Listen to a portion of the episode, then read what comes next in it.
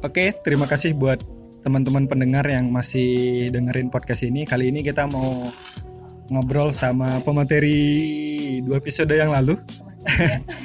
Narasumber atau terserah.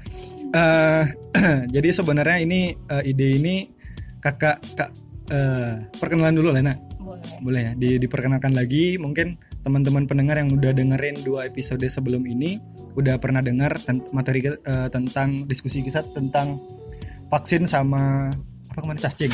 Ci. cacing. Nah kali ini kak Pepo sendiri kayaknya ingin berbanyak sharing lagi nih ke kita tentang seputar kesehatan. Nah kali ini mungkin ini bisa berlanjut eh, episode-episode selanjutnya bakalan sering eh, ngobrolin tentang kesehatan.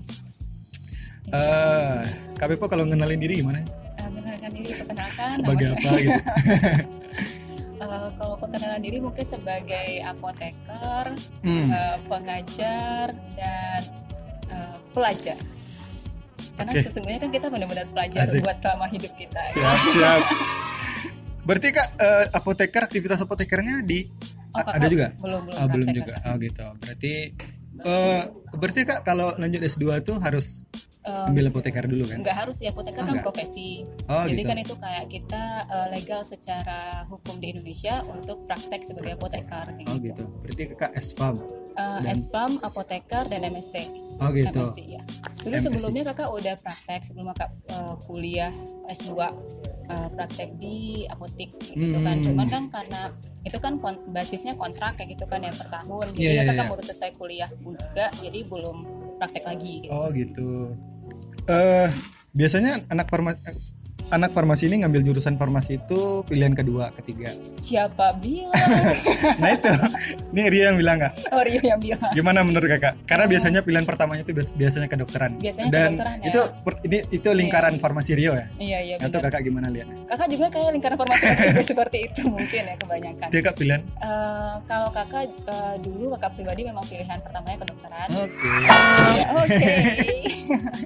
karena kakak eh, kalau pribadi kakak karena emang nggak boleh kuliah keluar Pulau Sumatera sama orang tua, Hmm. tepatnya Sumatera Barat. Jadi ya udah kakak emang pengennya itu di dunia kesehatan, ya udah pilih jadinya yang top 2 lah kayak gitu kan dulu kayak Farmasi. gitu kan iya farmasi sama kedokteran dan Hmm. alhamdulillah lulusnya di kedokter ah, di farmasi seperti itu mungkin kayak gini kalau misalnya teman-teman yang sekelas sama kakak lainnya itu nggak semuanya juga bukan Hmm. nggak bisa juga dibilang mayoritas orang farmasi itu adalah orang-orang yang tidak lulus kedokteran seperti itu gitu kan nanti teman-teman kakak yang milih atau teman-teman kami sejawat yang milih apoteker sebagai pilihan pertamanya atau farmasi pilihan uh, utamanya itu merasa siapa bilang kayak gitu Iya, kan iya, karena iya. farmasi pun uh, mungkin berbeda-beda profesi berbeda-beda oke. keahlian dan ya seperti itu.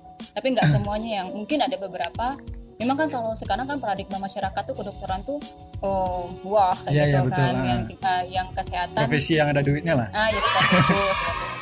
Eh, tapi gini kalau eh, orang awam nih kak yang Hmm. melihat farmasi itu ini kenalannya yuk ya? Ya masih kenalan. Ya, farmasi itu identik dengan nggak tahu kalau Rio misalnya elektro kan orang Iya. bilang betulin listrik oh gitu farmasi jual obat jual obat iya kan Eh, bukan kayak gini itu mungkin Nah, ya di masyarakat awam Iya di masyarakat awam memang seperti itu. Mungkin emang karena itu kan ilmu farmasi ini kan ilmu yang berkembang. Mungkin elektro juga ilmu yang berkembang Betul, kan ya. karena banyak mesin-mesin baru yang tercipta, banyak Nah. hal-hal lain yang em, apa sih namanya itu kayak em, eh, lahan-lahan lain yang bisa dikerjakan oleh anak-anak tamatan elektro seperti itu sama dengan farmasi. Hmm. Dulu farmasi itu memang kayak evolusi farmasi ya kayak gitu kan. Jadi dulu itu farmasi memang eh, lebih eh, dekatnya dengan obat. Jadi Hmm. ketika orang melihat farmasi emang orang yang fokus pada obat-obatan seperti itu. Makanya eh, dulu itu adalah drug related problem. Jadi kayak eh bukan drug related problem. Jadi kayak farmasi ini fokusnya sama obat seperti itu. iya iya iya Sementara sekarang dengan perjalanan waktu farmasi itu adalah orang-orang yang fokus eh, dengan pasiennya juga seperti itu. Hmm. Jadi bagaimana eh, obat ini eh, mulai dari bagaimana obat itu ditemukan, lalu diformulasikan sehingga terbentuklah suatu obat yang bisa dikonsumsi, lalu bagaimana obat itu pada tubuh manusia, bagaimana memberikan efek pada manusia seperti itu. Karena kalau tanpa seperti itu apa bedanya obat dengan permen? Kalau misalnya kita iya, hanya fokus sama pembuatan obat, Hmm. ya udah sama kayak pembuatan permen dong, udah gitu. Sementara gimana cara kita memastikan bahwa nih obat ini nih bakal berfungsi dalam tubuh sesuai dengan apa yang kita mau. Jadi kita nggak buang-buang duit untuk produksi yang mahal, Hmm. untuk penemuan yang mahal seperti itu. Kan buang-buang namanya gitu. Maka sekarang sudah makin berkembang farmasi itu fokusnya pada uh, uh, pasien seperti itu. Bagaimana pasien uh, menerima obatnya nanti dan bagaimana efeknya pada pasien seperti itu. Berarti sebagai sebagai orang sakit bisa konsultasi ke orang farmasi. Bisa banget hasil Buat, farmasi. buat apa dokter? apa? Lalu apa? Oh berbeda. dokter. Nah, Jadi itu berbeda sekali. Jadi Nah. kan kalau misalnya kita mau membicarakan tentang keahlian seperti betul itu, lah. dokter itu kita uh, akan tahu kalau dokter itu ahlinya dalam uh, pendiagnosisan. Udah Oke. kalau misalnya Rio nggak tahu penyakit apa, Rio datang ke apoteker, apoteker nggak bisa Oh, ngapa-ngapain. nggak bisa ngapa-ngapain. Nggak bisa, nggak Tapi tahu kan bisa baca di gejala itu. atau apa gitu kan? Eh, itu mungkin kita nggak ada ilmunya, mungkin kita bisa Hmm. menerka-nerka, iya, cuman keahlian kita nggak di situ, nggak mendiagnosa seperti itu. Kalau misalnya tentang pengobatan, jadi kita itu misalnya dokter memberikan obat apa seperti itu kan, kita kan sudah dibekali dengan pengetahuan tentang obat-obat Hmm. gitu kan, dan bagaimana obat ini dalam tubuh, dan bagaimana obat ini pada penyakit tertentu seperti itu. Jadi kita dapat di sini bekerja sama dengan dokter untuk memilihkan terapi yang terbaik untuk si pasien ini seperti itu. Jadi ketika uh, ketika dokter sudah mendiagnosiskan Hmm. uh, uh, penyakit pasiennya adalah misalnya nih sakit uh, gangguan hati atau gangguan Ah. ginjal seperti itu. Nah, kita bekerja sama dengan uh, dokter ini Hmm. sebagai apoteker untuk memilihkan obat apa sih yang paling baik untuk pasien ini seperti itu. Dokter punya kemampuan mem- mem- mencarikan jenis obat kan? Iya juga. Iya juga. Iya, uh, cuman kayak kita itu kan ibaratnya um, pengetahuan yang uh, dokter miliki itu uh, terhadap obat-obatan mungkin kakak bisa bilang tidak Terbatas. sedalam dengan uh, farmasi benar-benar mempelajari tentang obat Oh, itu gitu, sendiri oke. seperti itu. Eh, secara kalau misalkan penyakit-penyakit di dunia ini tidak ada penyakit berat, Mm-mm. farmasi ditiadakan di muka bumi ini berarti aman-aman saja gitu ya? Eh, kalau itu mungkin kita sekarang bicara tentang Ah. evolusi farmasi itu sendiri. Jadi dahulu kala farmasi itu kan emang nggak ada. Jadi farmasi Oke. sama kedokteran itu satu. Satu dulu bidang satu? umum, saya satu bidang ilmu Oh, satu apa sih nama itu akar seperti Siap, itu siap, kan, siap. satu akar. Nah, lalu dengan eh, perkembangan zaman barulah terpecah adanya farmasi dan Hmm. adanya dokter. Sebenarnya itu kayak memang em, ibaratnya kemajuan dunia gitu kan, pengetahuan juga. Jadi gimana caranya kita itu memang fokus. Jadi kalau misalnya cuman ada satu profesi nih, dokter saja Iya, misalnya iya, seperti iya. itu. Nah, dokter ini dia melakukan kedua-duanya, diagnosis dan juga pengobatan. Kita itu akan mengalami yang namanya keterlambatan atau pengembangan ilmu kita pasti nggak bakal Hmm. secepat kalau kita ada dua jalur. Betul sih ya. Masalahnya eh, yang kalau misalnya dokter itu fokus nih tentang, tentang diagnosa penyakit, tentang pemilihan terapi pada penyakit seperti itu kan atau dengan tindakan-tindakan yang lainnya Hmm. terhadap penyakit-penyakit seperti itu kan berarti kok dokter itu akan fokus banget itu pada pasiennya gitu. Sementara Oh, kalau oke. farmasi ada lagi nih kita bakal fokus lagi untuk me- memikirkan tentang perkembangan obat lalu habis itu gimana cara meningkatkan terapi pada pasiennya nanti dan seperti itu Nah bisa di- bisa sedikit dikasih ilustrasi nggak gimana apa yang dilakukan seorang apoteker Ya. di apotek? Apa yang dilakukan seorang apoteker di apotek karena itu? dia dia kita kan ke situ cuman ngasih resep kemudian dapat obat kan Iya, gitu kan di- dan kita nggak bisa konsultasi tentang penyakit kita dan seterusnya gitu. bisa kalau misalnya gini ya Ah. sebenarnya ini karena keterbatasan informasi yang dipunya oleh eh, masyarakat, masyarakat sebenarnya oke kalau masyarakat ma- maka kita kakak kenapa sangat antusias untuk mengikuti program Rio ini Oke, ada salah iya. satunya untuk bisa Hmm. bareng-bareng mengedukasi masyarakat, Masyarakat, memberikan hmm. informasi pada masyarakat tentang kesehatannya Hmm. Jadi masyarakat itu mereka punya hak ketika masyarakat itu berobat pada tenaga kesehatan, Iya. dokter apoteker gitu kan. Nah, eh, atau eh, perawat seperti itu. Mereka itu berhak untuk mengetahui mereka tuh penyakitnya apa, lalu mereka mendapatkan terapi apa, lalu dan bagaimana eh, mereka mena- menanggulangi kalau misalnya ada kesalahan pada terapi atau bukan ada efek samping pada terapi yang, di- eh, yang diterimanya atau segala macam. Jadi pasien itu berhak mendapatkan semua informasi itu gitu loh. Cuman kebanyakan pasien mungkin sekarang ini eh, sedikit eh, apa sih ragu-ragu untuk bertanya atau bisa menahan diri untuk bertanya. karena nggak tahu itu adalah hak dia Uh, pertama karena nggak tahu itu adalah haknya dia kemudian mungkin juga ada kayak em, kan kita sendiri kan em, di masyarakat sekarang ini kita bisa lihat sendiri em, kita nggak bisa nyalahin satu profesi kayak gitu nggak bisa Hmm. karena itu kan udah kayak kondisi di masyarakat Betul, kan? kondisi di negara kita gitu kan di mana kalau satu dokter itu mungkin dalam sehari bisa menangani lebih dari 100 pasien kayak gitu kan Hmm. bagaimana mereka mau eh, terbuka atau bagaimana mereka mau memberikan informasi banyak-banyak kepada pasien jika mereka memang dikejar waktu lah ibaratnya seperti itu gitu jadi mungkin waktu pas mungkin mereka pernah bertanya lalu dokternya tidak terlalu menjelaskan sehingga mereka Hmm. kayak oh mungkin eh, aku nggak terlalu di welcome nih buat nanya-nanya banyak kayak gitu lalu mereka nggak usah bertanya lagi seperti itu cuma kita nggak bisa menyalahkan juga. Oke, karena kondisi di negara kita yang seperti itu mudah-mudahan nanti ke depannya eh, dengan berjalan waktu mungkin menjadi lebih baik lagi beda beda apotek sama toko obat apa kak? Eh, kalau toko obat itu nggak ada itunya sekarang udah nggak boleh sebenarnya toko obat Oh nggak boleh. nggak boleh Udah eh, menurut undang-undang yang telah eh, dibuat oleh pemerintah itu nggak boleh ada lagi toko Karena? obat karena toko obat itu kan dia tidak memiliki izin yang pertama Oh iya iya. Eh, lalu tidak ada penanggung jawab di situ. Jadi Rio kalau misalnya beli obat, Rio nggak ada yang namanya bisa nanyakan informasi seputar obat atau misalnya kayak mempertanggungjawabkan nanti Rio bagaimana segala macam juga nggak bisa. Makanya di situ kita eh, eh, apa pemerintah itu Hmm. sudah membuat peraturan bahwa semua toko obat eh, di Indonesia itu harus diganti menjadi apotek seperti itu yang di mana eh, sebuah apotek itu harus ada yang namanya apoteker penanggung jawab. Berarti baru kak? Maksudnya toko obat itu nggak boleh? Udah lama? Udah lama waktu Nah, jejaring jejaring toko obat maksudnya gini. Obat itu kan orang-orang farmasi. Art- Artinya orang-orang itu juga lah, orang-orang farmasi Iya. yang memproduksi. Dan ketika di- dikatakan itu ilegal, kenapa mas bisa sampai ke tangan yang punya toko obat? Sementara itu kan nggak boleh. sebenarnya bukan ilegal jadi seperti ini em, jadi kan obat itu kalau kita bicara tentang obat Hmm. em, dia kan ada berbagai macam jadi kalau misalnya kita bicara garis besar itu ada namanya obat bebas ada Oke. obat bebas terbatas Hah? ada obat keras seperti itu kan Eh, itu men- em, Dan ketiga-tiganya ada ada di berdasarkan eh, Hmm. berdasarkan eh, cara pendistribusiannya seperti itu boleh apa tidak Oh, didistribusikan iya, iya, eh, apakah eh, jadi kalau misalnya obat bebas dan obat bebas terbatas itu boleh didistribusikan secara umum seperti itu Ah, tanpa iya, resep iya. dok- dokter tapi didistribusikan secara umum di sini tanpa resep dokter itu harus melalui tenaga apoteker tadi eh, tadi yaitu Hmm. karena sekarang kan toko obat nggak boleh lagi tuh Iya iya. jadi iya. bagaimanapun bagaimanapun nanti ujung-ujungnya yang bakal memberikan adalah tenaga kesehatan seperti itu. Jadi kalau misalnya sekarang ada obat-obat yang dijual bebas misalnya Hmm. kayak di warung-warung seperti itu gitu kan. Itu biasanya hanya obat-obat yang uh, bebas gitu.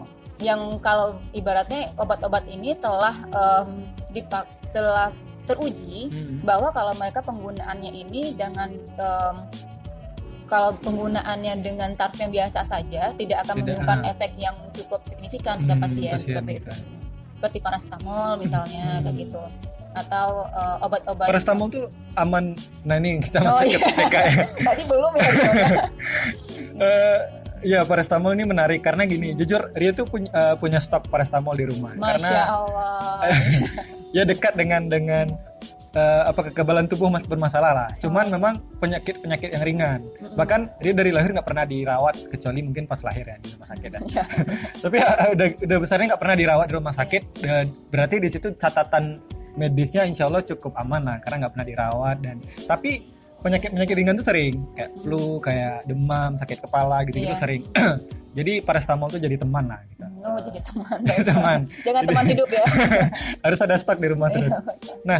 Eh, ya kalau saya, saya sering nanya ke teman-teman eh, eh, misalnya sakit, sakit kepala nih Mm-mm. bisa minta tolong nggak beliin obat paling Iya. yang yang yang paling langsung diingat itu adalah paracetamol jadi ini menjadi obat yang serba bisa menyembuhkan segala macam penyakit Mm-mm. dan ya menurut kita kayak gitu sebagai Iya. masyarakat. Kayak gitu kan. Nah bagaimana kak kira-kira menurut kakak? Eh, kalau paracetamol ini mungkin bukan hanya terjadi di Indonesia, cuman itu tuh udah common apa ya, eh, kayak sudah emang umum terjadi di Hmm. masyarakat luas pun di dunia pun. Jadi paracetamol, paracetamol ini adalah obat yang paling sering dikonsumsi. betul ya itu. Ah. Nah, karena eh, memang eh, efeknya tadi yaitu dia itu dapat meredakan nyeri, Ah, habis iya, itu iya. panas, habis itu ya nyeri dan panas eh, pusing seperti itu Hmm. kan. Nah, jadi kalau eh, dibilang paracetamol ini adalah obat segala penyakit itu salah besar karena paracetamol ini dia tidak menyembuhkan penyakit. oh tidak menyembuhkan Tidak, dia itu hanya meredakan gejala. Jadi seperti ini, ketika Rio pusing, Hmm. dia meredakan pusing. Ketika Hmm. Rio, uh, Rio panas, dia Dia kan menyembuhkan panas. pusing kan. Nah, se- sementara kalau tubuh ini, ibarat Ah. tubuh ini sama kayak Rio kan anak elektronik. Ah, Tubuh ini sama kayak mesin, uh, kan nggak tahu deh, sama kayak mesin misalnya Oke. gitu kan. Mesin itu kalau misalnya udah bunyi yang nggak benar, Ah, brrrr, iya, atau gimana kayak Ah. gitu kan. Nah, itu kan tandanya ada sesuatu yang terjadi sama mesinnya itu sendiri. Anggaplah Rio kasih air, lalu atau misalnya Rio kasih minyak, beres lagi, misalnya gitu kan. Oke. Apakah uh, penyakit uh, atau ke- uh, gangguan utamanya tersembuhkan? Tidak kan? Enggak. Nah, jadi panas, nyeri, itu sama yang kayak Ah, bunyi suara yang Rio iya, dengar. Betul, betul, betul. betul. Nah, jadi uh, suara yang Rio dengar Berarti itu panas Rio belum nyerinya. pernah belum belum- cuman masalah masalah gigi gitu berarti kan karena Iya, nggak pernah sakit gitu. Jadi kalau misalnya ketika kita kasih paracetamol yang diredakan, yang dihilangkan hanyalah nyeri dan panas. Sementara akarnya, oh, jika ada penyakit, yang benar-benar ada penyakit itu nggak tersembuhkan seperti itu. Hmm. Jadi kalau paracetamol ini bolehnya dia mungkin eh, untuk eh, penyakit yang akut, misalnya kayak pusing tadi, habis itu eh, panas, habis itu eh, demam atau tidak eh, nyeri. Tapi kalau misalnya sudah menggunakan paracetamol nih 3 atau sampai 7 hari anggaplah seperti itu Hmm. tidak tidak turun sembuh, juga, ah, itu harus segera melaporkan ke dokter. dokter. Oke. Alhamdulillah sih selama ini sehari sih, Oh. sehari tiga kali kan udah Iya. saya aman. Tapi kata orang kalau kata- kalau lagi sehat pun aman katanya konsumsi itu. Eh, jadi kalau ibaratnya sama seperti obat-obat lainnya, paracetamol ini dia eh, tergantung dosis yang kita gunakan. Ah. Jadi selagi kita menggunakannya pada dosis yang normal, pada dosis yang dianjurkan itu nggak apa-apa. Oh, Oke. Cuman kalau misalnya sudah melebihi dosis yang dianjurkan, yaitu eh, nggak boleh lebih dari 4 gram dalam satu hari, nah itu efeknya bahaya sekali. 4 gram itu 4 gram itu berapa? seperti 8 tablet oh dalam 8 sehari. oke. ya. Nggak boleh lebih dari 8 tablet sehari, itu karena bisa menyebabkan yang namanya kerusakan hati. Oh. Nah itu efeknya sangat besar sekali. Uh, jadi itu uh, irreversible atau nggak bisa kembali seperti semula lagi. Nah habis itu juga apa namanya paracetamol ini uh, juga kita harus ing- ingat jangka waktu makannya nggak boleh kayak kita minum gara-gara pusing nih kita Mhm. minum sekarang lalu kayak belum turun-turun nih dalam satu jam atau dalam dua jam tambah lagi itu bukan permen soalnya Oke, oke, ya oke. efeknya beda dalam tubuh seperti itu bolehnya itu kita minumnya sekali 6 jam oh sekali 6, 6 jam. jam ya. Ada harus ada direntangkan waktunya sama 6 jam seperti itu. Itu Untuk ang- ini, ini menarik kak. Angka 6 jam itu dari mana sih? Itu, nah ini dia masuk di farmasi. Oke, enggak. Maksudnya Jadi- sebagai orang awam Iya. artinya gini. Heeh. Kadang kan kita makan pagi, kemudian kebetulan sarapan 5 jam setelah makan pagi. Iya. Artinya eh, agak kurang 6 jam. Iya. Atau bisa jadi lebih 8 jam. Iya. Nah, saya, saya bingung kenapa si ilmuwan itu mem- memutuskan untuk ngambil angka 6 misalkan Oh, kayak gitu iya. lah. Yang Sebenarnya bukan ilmuwan yang memutuskan. ya siapa pun lah mereka yang yang Jadi, yang bersepakat bahwa 6 Iya. jam. jadi dia itu sistemnya eh, sama kayak obat ini kan masuk dalam tubuh nih, Aha. sama seperti makanan yang kita Iya. makan seperti itu. Nah dalam tubuh kita ini dia akan dimetabolisme, Hmm? dia akan mengalami proses-proses eh, apa sih namanya pencernaan seperti itu. Iya. Nah, jadi pengukuran angka 6 jam ini adalah jadi sen- kan paracetamol ini adalah senyawa obat. Oke. Jadi senyawa obat ini su- sudah diteliti, sudah eh, dipelajari bahwa ketika dia masuk dalam tubuh, dia akan didisolusi, Hmm. akan dilarutkan, Dilarutkan. bersama eh, cairan-cairan Cairan tubuh, tubuh. lainnya. Lalu dia akan didistribusikan ke ke tempat kerjanya. Misalnya Hmm. kalau kayak eh, Rio ada nyeri, bakal didistribusikan ke tempat nyerinya gitu kan. Tapi basically dia bakal didistribusikan ke seluruh tubuh. Iya iya. iya. Habis itu dia setelah didistribusikan akan dimetabolisme, akan Hmm. dimetabolisme lalu diekspresikan, dikeluarkan lagi. Nggak mungkin ditumpuk terus kan Iya, dalam tubuh kan. Ah, jadi dia akan dikeluarkan seperti itu. Nah, angka 6 jam ini adalah di mana eh, setelah dipelajari selama 6 jam ini dia itu masih memberikan efek yang sama. Jadi oke, oke. eh, yang tadi kakak bilang didistribusikan, dia akan selalu didistribusikan dan dia itu berada dalam level konsentrasi dalam tubuh itu tuh yang sama yang dapat memberikan efek. Misal seperti ini, eh, paracetamol 500 mg itu ketika dia kita masukkan 500 mg mungkin yang akan berefek itu memberikan efek dalam tubuh ketika dia sudah mencapai konsentrasi 300 mg. Hmm, oke. Nah, jadi misalnya kayak ini, kan dia paracetamol nih Hmm. masuk ke dalam tubuh. Tubuh, ha. Jadi kan tidak eh, sem- jadi kita tuh mempelajari berapa sih berapa miligram paracetamol sih bakal memberikan efek anti nyeri. Nah, ketika dia sudah mencapai efek anti nyeri itu berapa lama sih dia bakal memberikan efek anti nyeri ini sampai dia di metabolisme yaitu Hmm. dihancurkan, tidak berefek lagi lalu Iya, iya. dieliminasikan Ah. seperti itu. Nah, selama 6 jam ini dia masih memberikan efek. Jadi sehingga ketika kita tambahkan lagi, efeknya bakal dosisnya itu takutnya bakal lebih tinggi dan bahkan toksik seperti itu. Jadi ketika dia masih 6 jam itu nggak masalah nggak dikasih lagi gitu. Berat, tapi kan eh, maksudnya saya nggak tahu sebagai orang umum, saya mikirnya ada orang yang berbeda dalam pelarutan obat. Artinya ketika ada seorang ini kayaknya agak cepat kesan, ini agak Hmm, lambat atau iya. sama semua orang. Kalau itu memang berbeda karena Beda, ya? metabolisme tubuh manusia kan Nah, itu. beda-beda. Cuman setelah di- eh, menurut eh, apa sih yang pelajarannya itu jangka waktunya itu sudah ibaratnya kan kalau ilmu ini nggak mungkin satu manusia yang diteliti seperti Iya. itu kan udah banyak sampel manusianya lalu eh, dilihat bahwa rata-rata itu 6 jam seperti itu. Oke, 6 jam empat kali sehari berarti kak. Iya, Nah, oke eh, kalau obat lain nggak, kadang kan ada dua kali sehari, itu kan berarti ya itu beda lagi. Jadi misalnya kayak tadi durasi kan, pelarutannya berarti. eh, bukan durasi bukan hanya durasi pelarutannya. Hmm. Iya masuk sama? farmasi yuk. Jadi seperti ini Eh, kan ada juga obat tuh yang bahkan sekali sehari seperti itu. Iya iya gitu. nah maksudnya. jadi dia itu lama di dalam tubuhnya sampai dia diekskresikan itu ya selama itu gitu loh. Hmm. Sementara paracetamol ini dalam 6 jam dia udah berkurang konsentrasinya, udah nggak di level yang di konsentrasi yang dia itu tuh bisa memberikan efek lagi gitu loh. Sementara kalau misalnya ada obat yang dua kali sehari, satu kali sehari, berarti selama itu dia masih dalam tubuh gitu loh, masih memberikan efek juga belum semuanya dieliminasikan gitu. Oke oke. Ma- Makan obat itu harus pakai air putih kan kak? Eh, harus Kalau bukan harus jadi kayak gitu tuh kayak dilema kalau harus tuh kan kayak kalau kita nggak melakukan itu kayak kita apa gitu Iya, kan iya. itu kayak anjuran anjuran nggak, eh, kalau saya dulu waktu kecil emang nggak susah minum obat. Iya, Jadi sering-sering keluar lagi lah, bahkan perut keluar. masya Allah.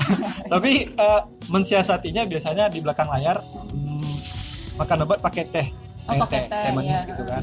Itu di, di, di belakang orang tua ketika kecil kan, Iya. karena mereka nggak tahu. Bandel Udah makan ya. obat, udah gitu kan.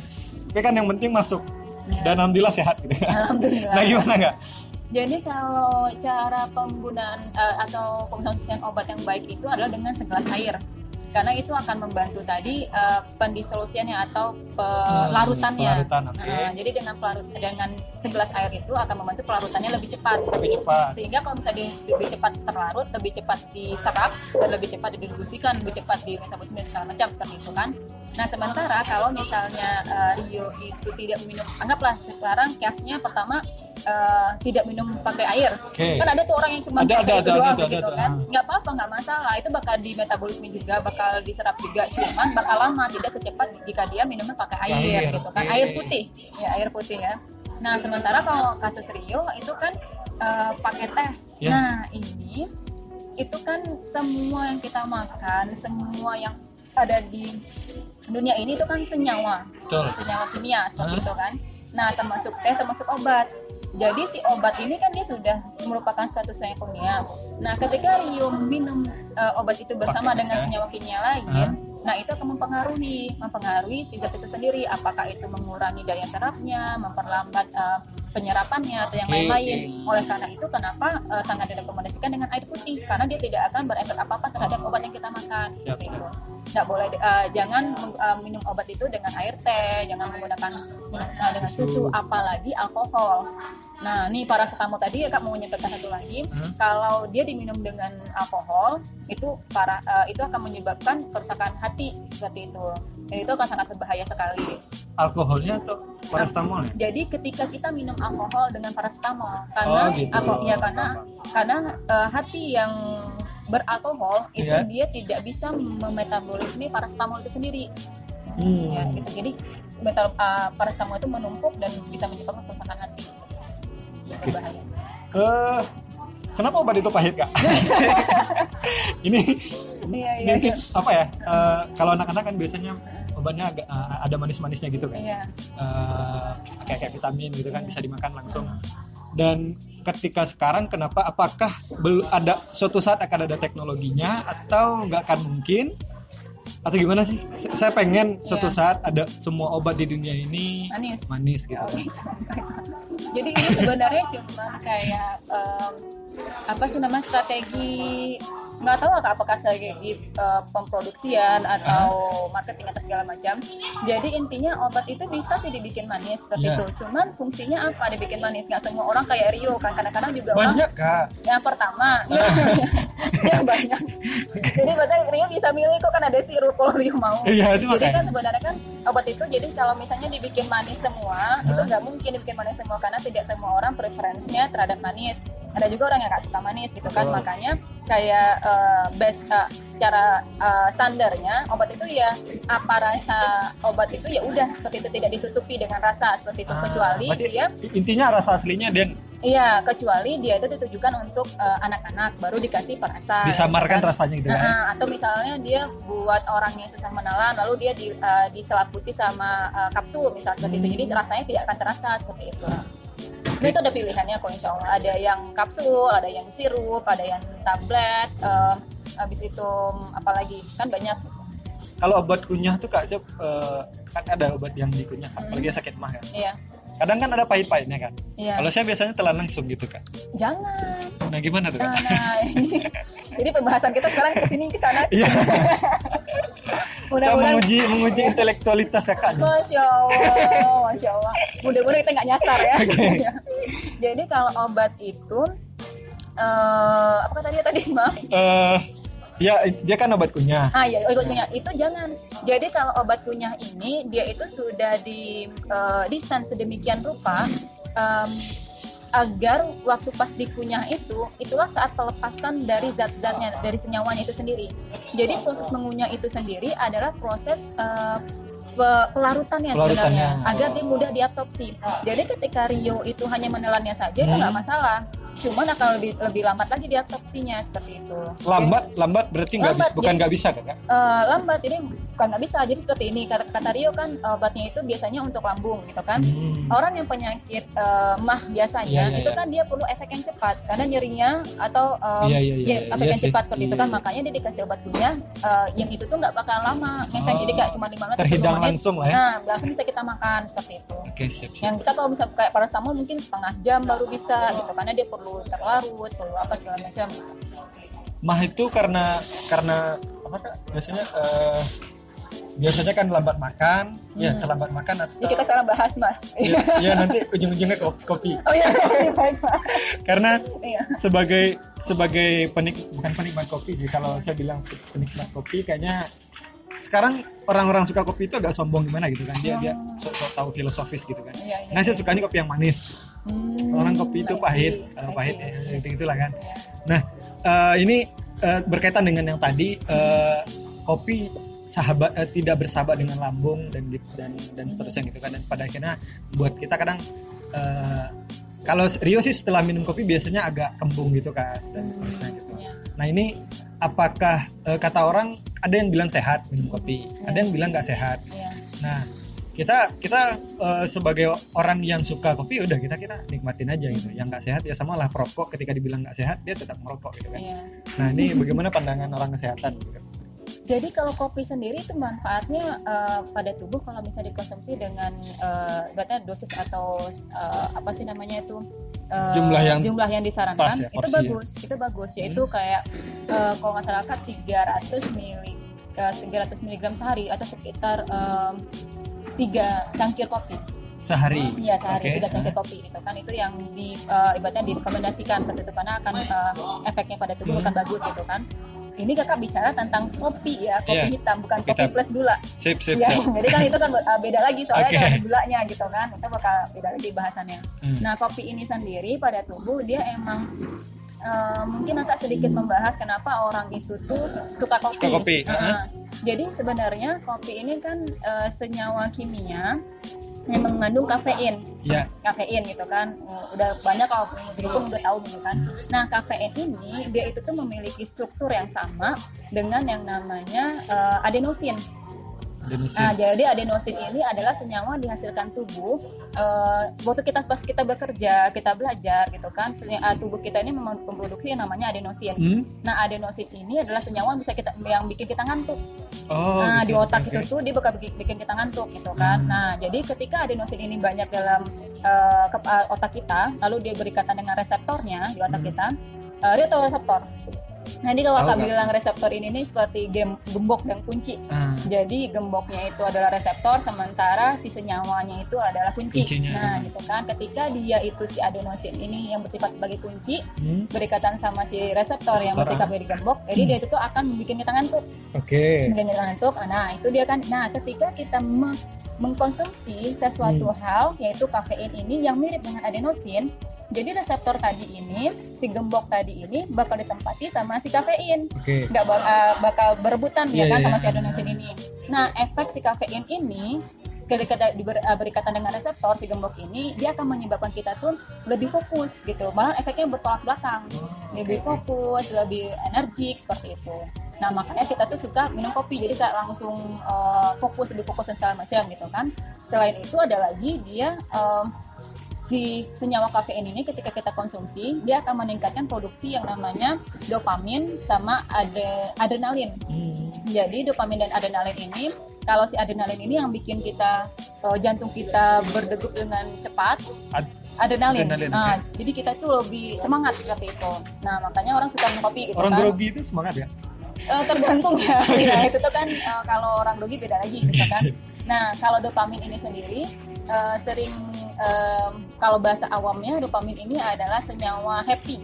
Senyawa Oke. bikin kita happy. Oh, nah, oke. nah, senyawa bikin, bikin kita happy. Kakak ini banyak yang hormon dopamin. Masya Allah. Selalu. ya? ya Masya Allah. Ya Allah. Jadi dia itu kalau kasih kita minum dopamin, Hmm. eh minum dopamin minum kafein, Hah? dopamin kita itu kan meningkat produksinya. Hmm. Nah ketika itu makanya bisa ada yang namanya seperti Rio kecanduan kopi. Hmm. Sebenarnya bukan kecanduan kopi ya kecanduan efek dopamin yang dihasilkan oleh kopi karena dia bisa bahagia dengan kopi Oke, itu sendiri siap, gitu kan.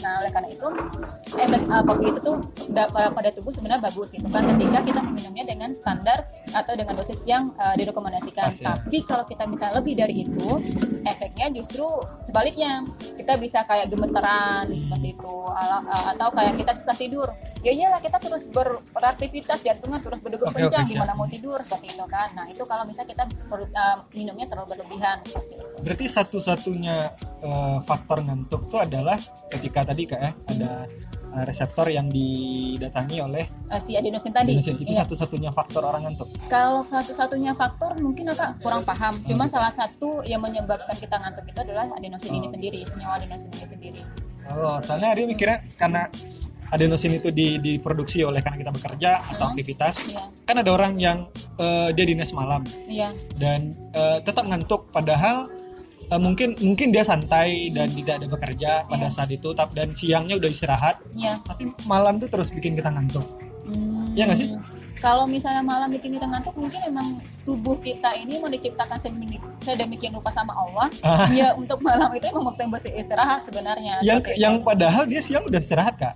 Eh, jadi kayak gini, istirahat siang sama istirahat malam itu be- beda Oh, banget beda yo. ya? Oke, beda siap. banget. Karena eh, itu kan anjurannya itu sebenarnya istirahat itu eh, yang kan saatnya untuk detok- detoksifikasi gitu kan. Nah, jadi itu yang Hmm. masya Allahnya ciptaan Allah gitu kan ya. Semua itu udah daripada tempat daripada Oke. waktunya gitu loh. Jadi ketika itu dirubah seperti itu, nah maka dia tidak akan mem- memperoleh manfaat yang sebaik yang seharusnya dia dicipta- dici- diciptakan Hmm, seperti itu. oke. Berarti intinya ada faktor eksternal ya. Ada juga selain kita- itu. Gitu. Karena kasihan kan maksudnya ada yang yang dia dinas malam kan, ada Iya. dokter jaga malam. Kemudian dia siang udah tidur tuh, biasanya Iya. ada teman gitu kan. Siang tapi malam tuh ngantuk juga. Iya, soalnya emang berbeda. Mungkin memang kebutuhan tidurnya sudah terpenuhi seperti itu kan. Cuman yang namanya tubuh kita memang sudah diciptakan seperti itu buat malam Hmm, buat tidur oke. seperti itu. Ada yang bilang gini kak, minum kopi itu eh, efek ketidakngantukannya itu bisa terasa 7 jam setelah minum. Hmm, Pernah dengar kak? Belum. Belum. Makanya Iya. eh, itu ada teman yang bilang dia dia dia kuliah kedokteran, tapi Iya. waktu itu masih kuliah Iya.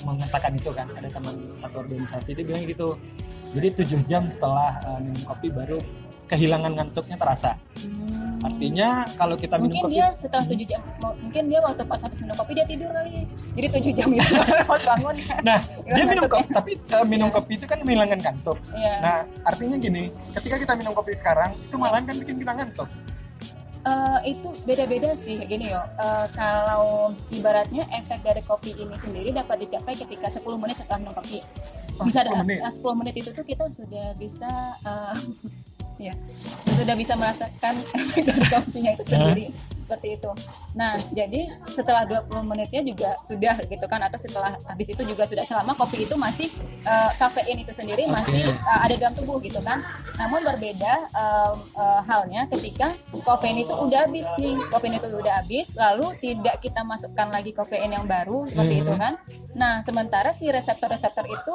terus dibentuk, si a- si adenosine itu terus, ya. terus dibentuk. Jadi kayak eh, jadi dia nggak ada saingannya lagi gitu loh. Hmm. Makanya ketika itu juga bakal terasa ngantuk, yang ya? yang bahkan lebih parah lagi. Karena kita tuh udah kayak kecapean rasanya gitu. Jadi kalau mungkin yang 7 jam tadi kakak baru dengar sekali dengar. ini, karena itu kayak efeknya sebenarnya nggak bakal selama itu gitu. 30 menit pun kita udah udah bakal ngerasakan. Hmm, oke. Mungkin ada yang kakak dengar itu adalah cara terbaik untuk memaksimalkan efek kopi, yaitu kita kita minum kopi nih. Kita eh, ini kakak nontonnya itu di Dokter Os dan kakak lihat memang masuk akal sih ketika penjelasannya itu karena si eh, kan kopi itu kan kafein itu sendiri perlu diserap oleh tubuh dan segala macam lalu eh, menggantikan eh, reseptor eh, yang di si adenosine itu sendiri Ya, gitu hmm. kan jadi kita menyelangi eh, minum kopi itu dengan aktivitas kita berikutnya sekitar 20 menit. Jadi kita minum kopi kita tidur 20 menit. Tapi hanya 20 menit nggak lebih dari 20 menit.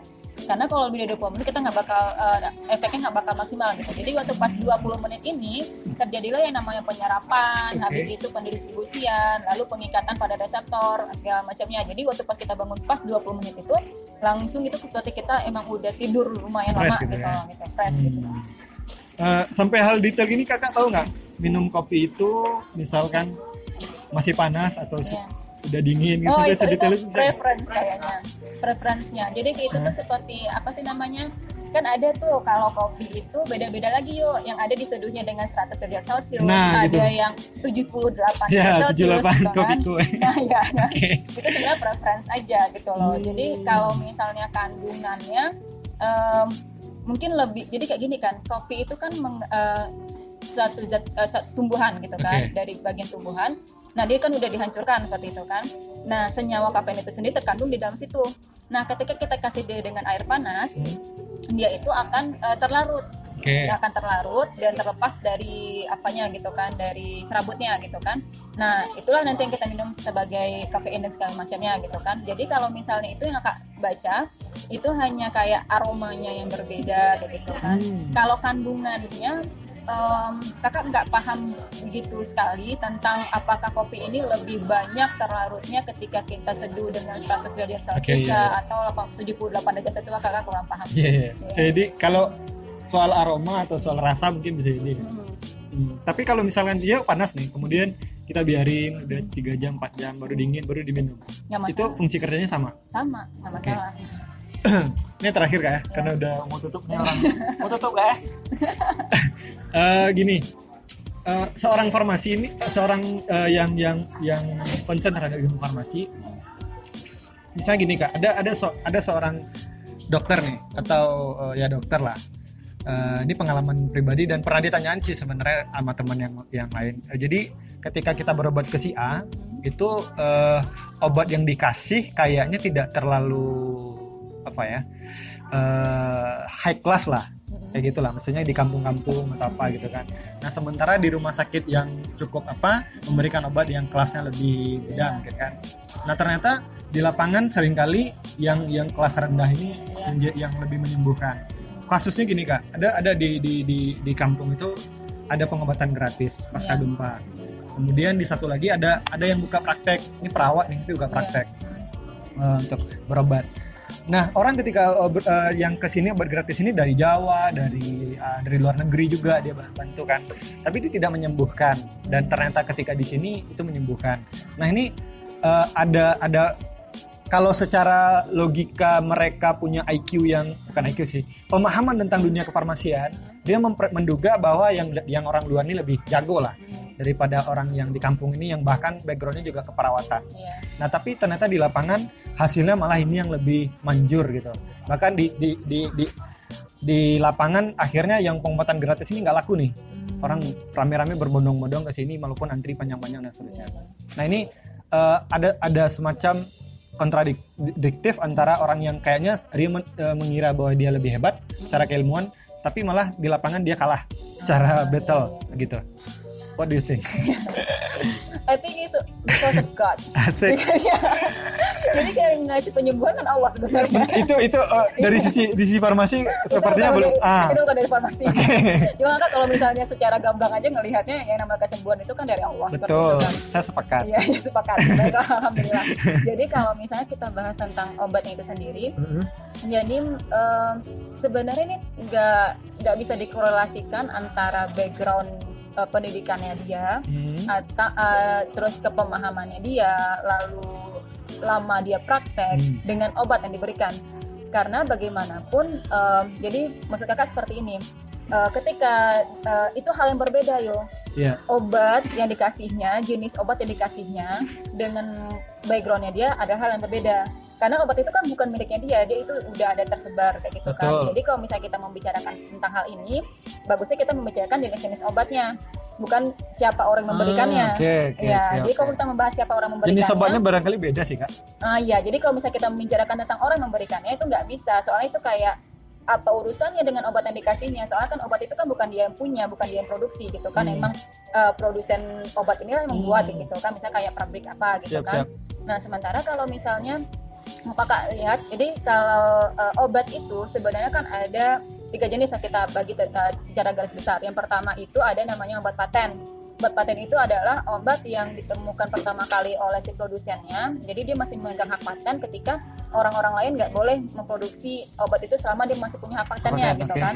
Nah yang kedua itu ada namanya eh, obat generik. Nah obat generik ini eh, dia itu adalah obat yang eh, diproduksi eh, jadi dia hanya mengandung apa nggak boleh pakai nama dagang nggak boleh dia. Hmm. Jadi misalnya kayak Ri- Rio kalau mau beli paracetamol, ya udah namanya paracetamol.